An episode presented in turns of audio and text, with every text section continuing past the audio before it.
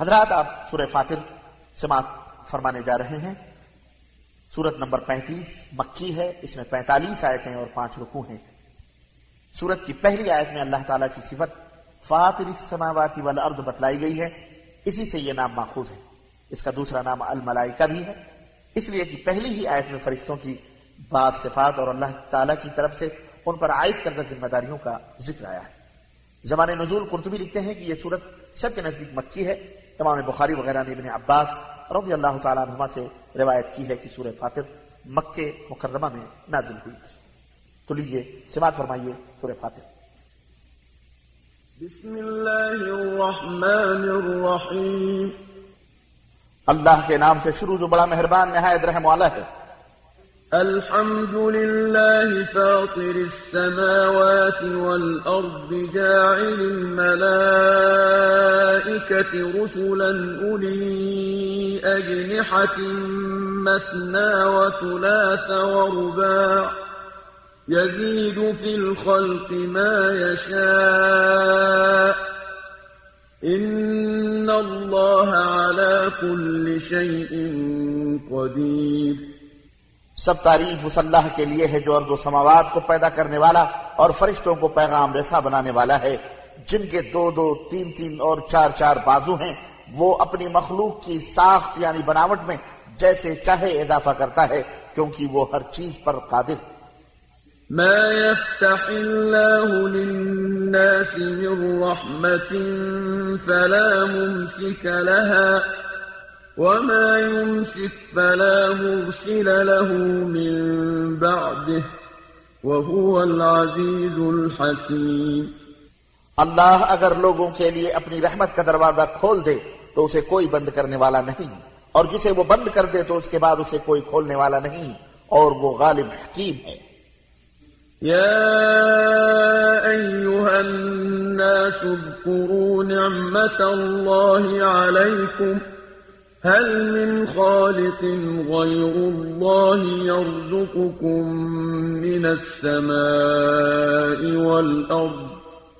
لا إله إلا هو، فأنا تؤفكون. اے لوگو، اپنے آپ پر اللہ کے احسان کو یاد کرو۔ اللہ کے سوا کوئی خالق ہے جو تمہیں ارد و سماوات سے رزق دے۔ یاد رکھو، اس کے سوا کوئی معبود نہیں۔ پھر تم کہاں سے دھوکہ کھا جاتے ہو؟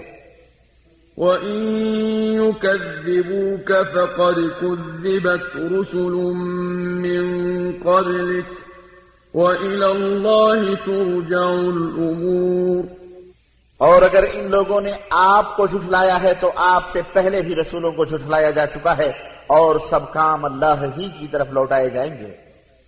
يا أيها الناس إن وعد الله حق فلا تغرنكم الحياة الدنيا ولا يغرنكم بالله الغرور اے لوگو، اللہ کا وعدہ سچا ہے، لہذا تمہیں دنیا کی زندگی دھوکے میں نہ ڈال دے اور نہ اللہ کے بارے میں دھوکہ باز یعنی شیطان تمہیں دھوکہ دینے پائے إن الشيطان لكم عدو فاتخذوه عدوا إنما يدعو حزبه ليكونوا من أصحاب السعير شیطان یقیناً تمہارا دشمن ہے لہذا اسے دشمن ہی سمجھو۔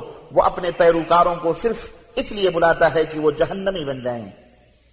الذين كفروا لهم عذاب شديد والذين آمنوا وعملوا الصالحات لهم مغفرة وأجر كبير. جو کافر ہوئے انہیں سخت عذاب ہوگا اور جو لوگ ایمان لائے اور نیک عمل کیے ان کے لیے بخشش اور بہت بڑا اجر ہے۔ أفمن زين له سوء عمله فرآه حسنا فإن الله يضل من يشاء ويهدي من يشاء فلا تذهب نفسك عليهم حسرات إن الله عليم يصنعون. بھلا جس کے لیے اس کا برا عمل خوشنما بنا دیا جائے اور وہ اسے اچھا سمجھنے لگے، اس کا کوئی ٹھکانہ ہے؟ اللہ تعالی جسے چاہتا ہے گمراہ کرتا ہے اور جسے چاہتا ہے ہدایت دیتا ہے، لہذا آپ ان پر افسوس کے مارے اپنے آپ کو ہلکا نہ کریں۔ جو کچھ وہ کر رہے ہیں، اللہ یقیناً انہیں جانتا ہے۔ والله الذي أرسل الرياح فتثير سحابا فسقناه إلى بلد ميت فأحيينا به الأرض بعد موتها. كذلك النشور. اللہ تعالی ہی ہوائیں بھیجتا ہے پھر وہ بادل اٹھا لاتی ہے۔ جسے ہم کسی مردہ بستی کی طرف چلاتے ہیں اور اس زمین کے مردہ ہونے کے بعد اسے زندہ کر دیتے ہیں، انسانوں کا جی اٹھنا بھی اسی طرح ہوگا۔ من كان يريد العزة فلله العزة جميعا إليه يصعد الكلم الطيب والعمل الصالح يرفعه والذين يمكرون السيئات لهم عذاب شديد ومكر أولئك هو يبور.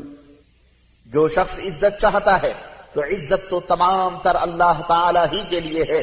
پاکیزہ کلمات اسی کی طرف چڑھتے ہیں اور صالح عمل انہیں اوپر اٹھاتا ہے۔ اور جو لوگ بری چالیں چلتے ہیں تو ایسے لوگوں کے لیے سخت عذاب ہے اور ان کی چال ہی برباد ہونے والی والله خلقكم من تراب ثم من نطفة ثم جعلكم أزواجاً وما تحمل من أنثى ولا تضع إلا بعلمه وما يعمر من معمر ولا ينقص من عمره إلا في كتاب إن ذلك على الله يسير لوگو اللہ نے تمہیں مٹی سے پھر نطفے سے پیدا کیا، پھر تمہیں جوڑے جوڑے بنایا۔ جو بھی مادہ حاملہ ہوتی یا بچہ جنتی ہے، تو اللہ کو اس کا علم ہوتا ہے۔ اور کوئی بڑی عمر والا جسے عمر دی جائے یا اس کی عمر کم کی جائے، تو یہ سب کچھ کتاب میں درج ہے۔ اللہ کے لیے یہ بالکل آسان ہے۔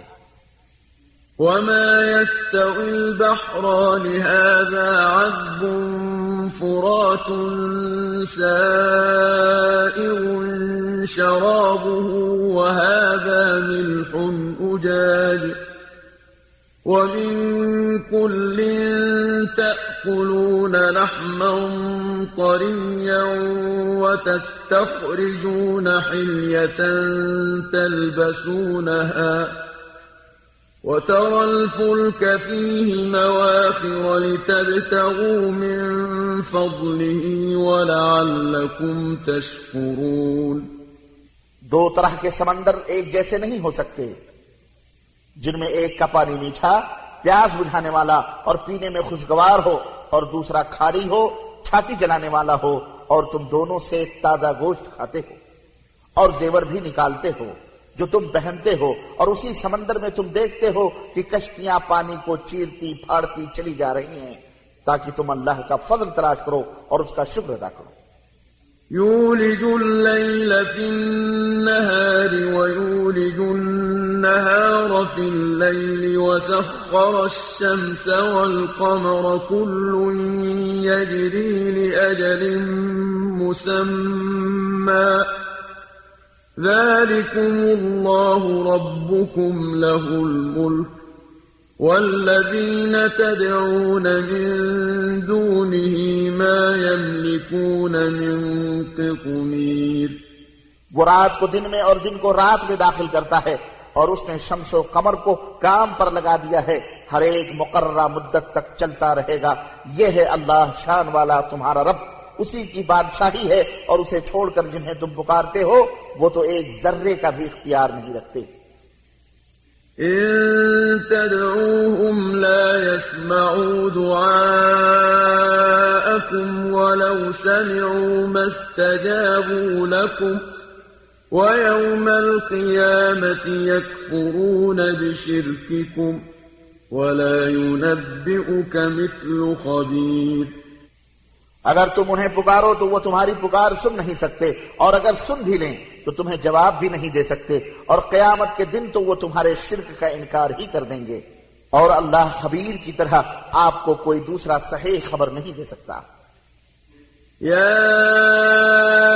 أيها الناس أنتم الفقراء إلى الله والله هو الغني الحميد اے لوگو تم اس اللہ کے محتاج ہو اور وہ ہر چیز سے بے نیاز اور حمد کے لائق ہے۔ إن يشأ يذهبكم ويأتي بخلق جديد وما ذلك على الله بعزيز اگر وہ چاہے تو تمہیں لے جائے اور تمہاری جگہ کوئی نئی خلقت لے آئے۔ اور یہ بات اللہ تعالیٰ پر کچھ مشکل نہیں۔ ولا تزر وازرة وزر أخرى وإن تدع مثقلة إلى حملها لا يحمل منه شيء ولو كان ذا قربى إنما تنذر الذين يخشون ربهم بالغيب وأقاموا الصلاة ومن تزكى فإنما يتزكى لنفسه وإلى الله المصير اور کوئی بوجھ اٹھانے والا دوسرے کا بوجھ نہیں اٹھائے گا اور اگر لدا ہوا شخص دوسرے کو اپنا بوجھ اٹھانے کے لیے بلائے گا، تو کوئی بھی اس کا ذرہ بوجھ اٹھانے نہ آئے گا، اگرچہ وہ اس کا قرابت دار ہی کیوں نہ ہو۔ اے نبی، آپ تو صرف ان لوگوں کو ڈرا سکتے ہیں جو بن دیکھے اپنے رب سے ڈرتے ہیں اور صلاح یعنی نماز قائم کرتے ہیں اور جو شخص پاکیزگی اختیار کرتا ہے تو اپنے ہی لیے اختیار کرتا ہے اور سب کو اللہ تعالی ہی کی طرف پلٹنا ہے۔ وما يستوي الأعمى والبصير ولا الظلمات ولا النور ولا الظل ولا الحرور نہ تو نابینا اور بینا برابر ہو سکتے ہیں اور نہ ہی اندھیرے اور روشنی برابر ہو سکتے ہیں اور نہ ہی سایہ اور دھوپ ایک جیسے ہیں وما يستوي الأحياء ولا الأموات إن الله يسمع من يشاء وما أنت بمسمع من في القبور اور نہ ہی زندے اور مردے یکساں ہوتے ہیں۔ اللہ تعالیٰ تو جسے چاہے سنا سکتا ہے لیکن آپ ان لوگوں کو نہیں سنا سکتے جو قبروں میں پڑے إن أنت إلا نذير آپ تو صرف ایک ڈرانے والے ہیں۔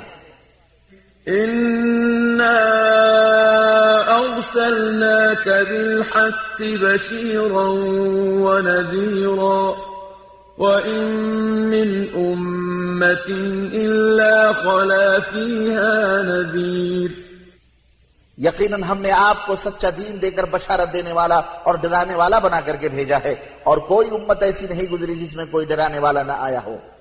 وإن يكذبوك فقد كذب الذين من قبلهم جاءتهم رسلهم بالبينات وبالزبر وبالكتاب المنير میرے حبیب، اگر یہ لوگ آپ کو جھٹلاتے ہیں، تو ان سے پہلے کے لوگ بھی جھٹلاتے رہے ہیں۔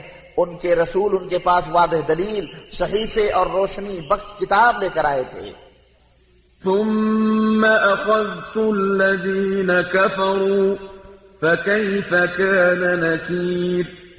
پھر جن لوگوں نے کفر کیا انہیں میں نے پکڑ لیا۔ پھر دیکھ لو میرا مواخذہ کیسا تھا۔ ألم تر أن الله أنزل من السماء ماء فأخرجنا به ثمرات مختلفا ألوانها ومن الجبال جدد بيض وحمر مختلف ألوانها وغرابيب سود کیا تم دیکھتے نہیں کہ اللہ آسمان سے پانی برساتا ہے جس سے ہم رنگا رنگ کے پھل پیدا کرتے ہیں؟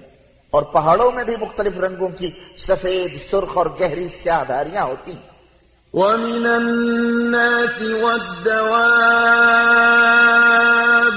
والأنعام مختلف ألوانه كذلك إنما يخشى الله من عباده العلماء إن اللہ عزیز غفور۔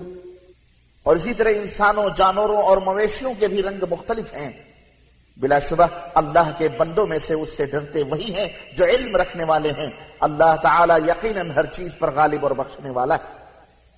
إن الذين يتلون كتاب الله وأقاموا الصلاة وأنفقوا مما رزقناهم سرا وعلانيةً وأنفقوا مما رزقناهم سرا وعلانية يرجون تجارة لن تبور بے شک جو لوگ اللہ کی کتاب پڑھتے، صلاح یعنی نماز قائم کرتے اور جو کچھ ہم نے انہیں دے رکھا ہے، اس میں سے خفیہ اور علانیہ خرچ کرتے ہیں۔ وہ ایسی تجارت کے امیدوار ہیں جس میں کبھی کوئی خسارہ نہ ہوگا۔ ليوفيهم أجورهم ويزيدهم من فضله إنه غفور شكور۔ تاکہ انہیں اللہ ان کا پورا پورا اجر دے اور اپني مہربانی سے کچھ زیادہ بھی دے۔ بلا شبہ وہ معاف کرنے والا ہے اور قدردان ہے۔ والذي أوحينا إليك من الكتاب هو الحق مصدقا لما بين يديه. إن الله بعباده لخبير بصير. اے نبی، جو کتاب ہم نے آپ کی طرف وحی کی ہے، وہی حق ہے، جو اپنے سے پہلی کتابوں کی تصدیق کرتی ہے، یقیناً اللہ اپنے بندوں سے باخبر اور انہیں دیکھنے والا ہے۔ ثم أورثنا الكتاب الذين اصطفينا من عبادنا فمنهم ظالم لنفسه ومنهم مقتصد ومنهم سابق بالخيرات بإذن الله ذلك هو الفضل الكبير پھر ہم نے ان لوگوں کو کتاب کا وارث بنایا جنہیں ہم نے اپنے بندوں میں سے چن لیا۔ پھر ان میں سے کوئی تو اپنا ظالم ہے اور کوئی میانہ رو ہے اور کوئی اللہ کے اذن سے نیکیوں میں آگے نکل جانے والا ہے۔ یہی بہت بڑا فضل ہے۔ جنات عدن يدخلونها يحلون فيها من أساور من ذهب ولؤلؤا ولباسهم فيها حرير.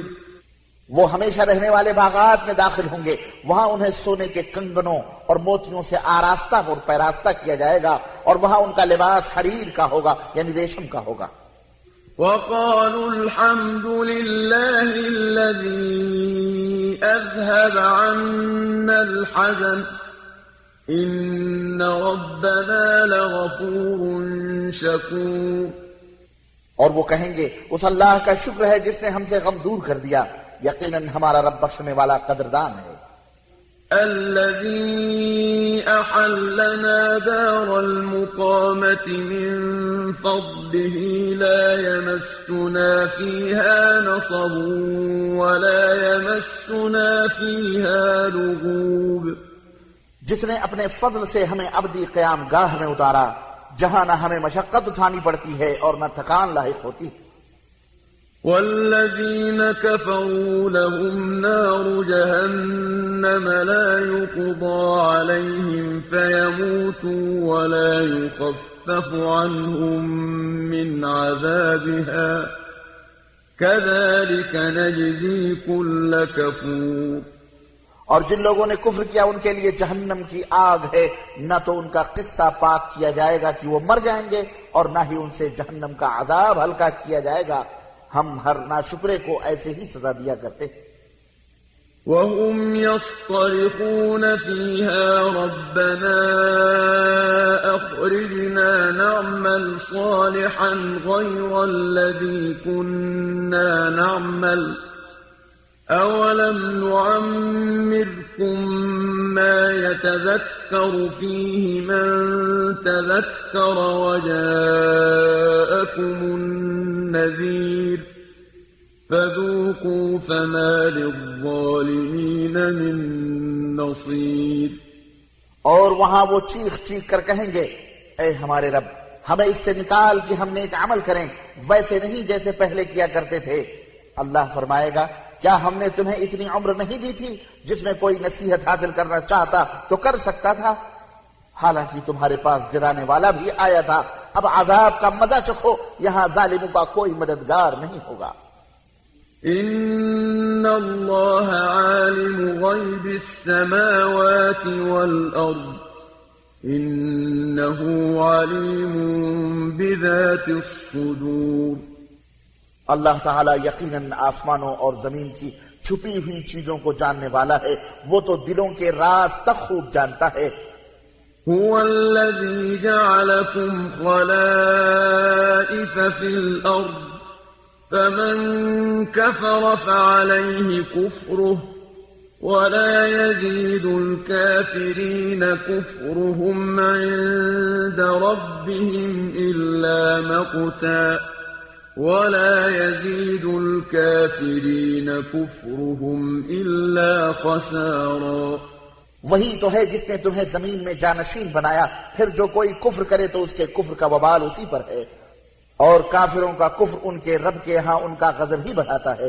یا پھر ان کافروں کا کفر خسارے میں ہی اضافہ کرتا ہے۔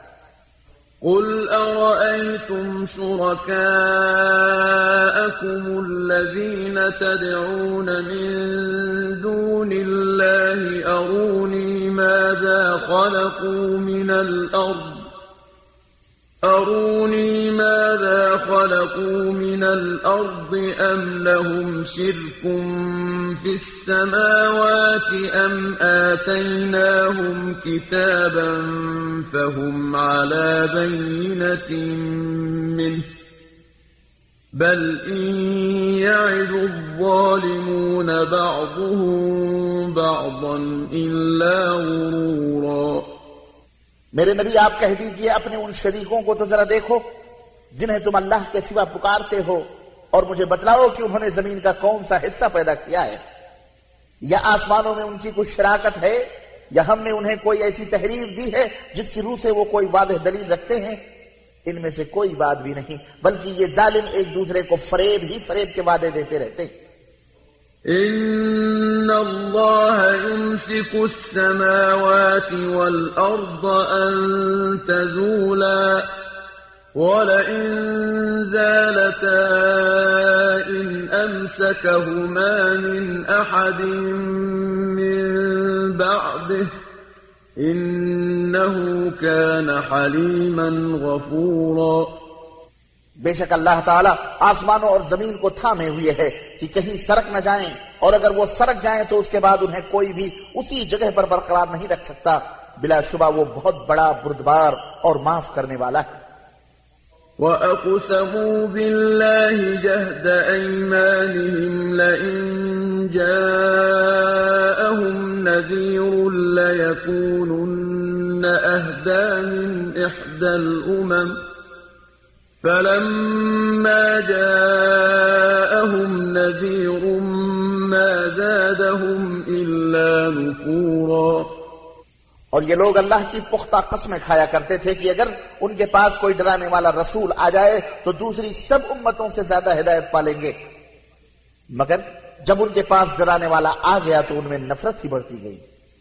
استكبارا في الأرض ومكر السيء ولا يحيق المكر السيء إلا بأهله فهل ينظرون إلا سنة الأولين فلن تجد لسنة الله تبديلا ولن تجد لسنة الله تحويلا جس کی وجہ سے ان کا زمین میں بڑا بن کر رہنا اور بری چالیں چلنا تھا۔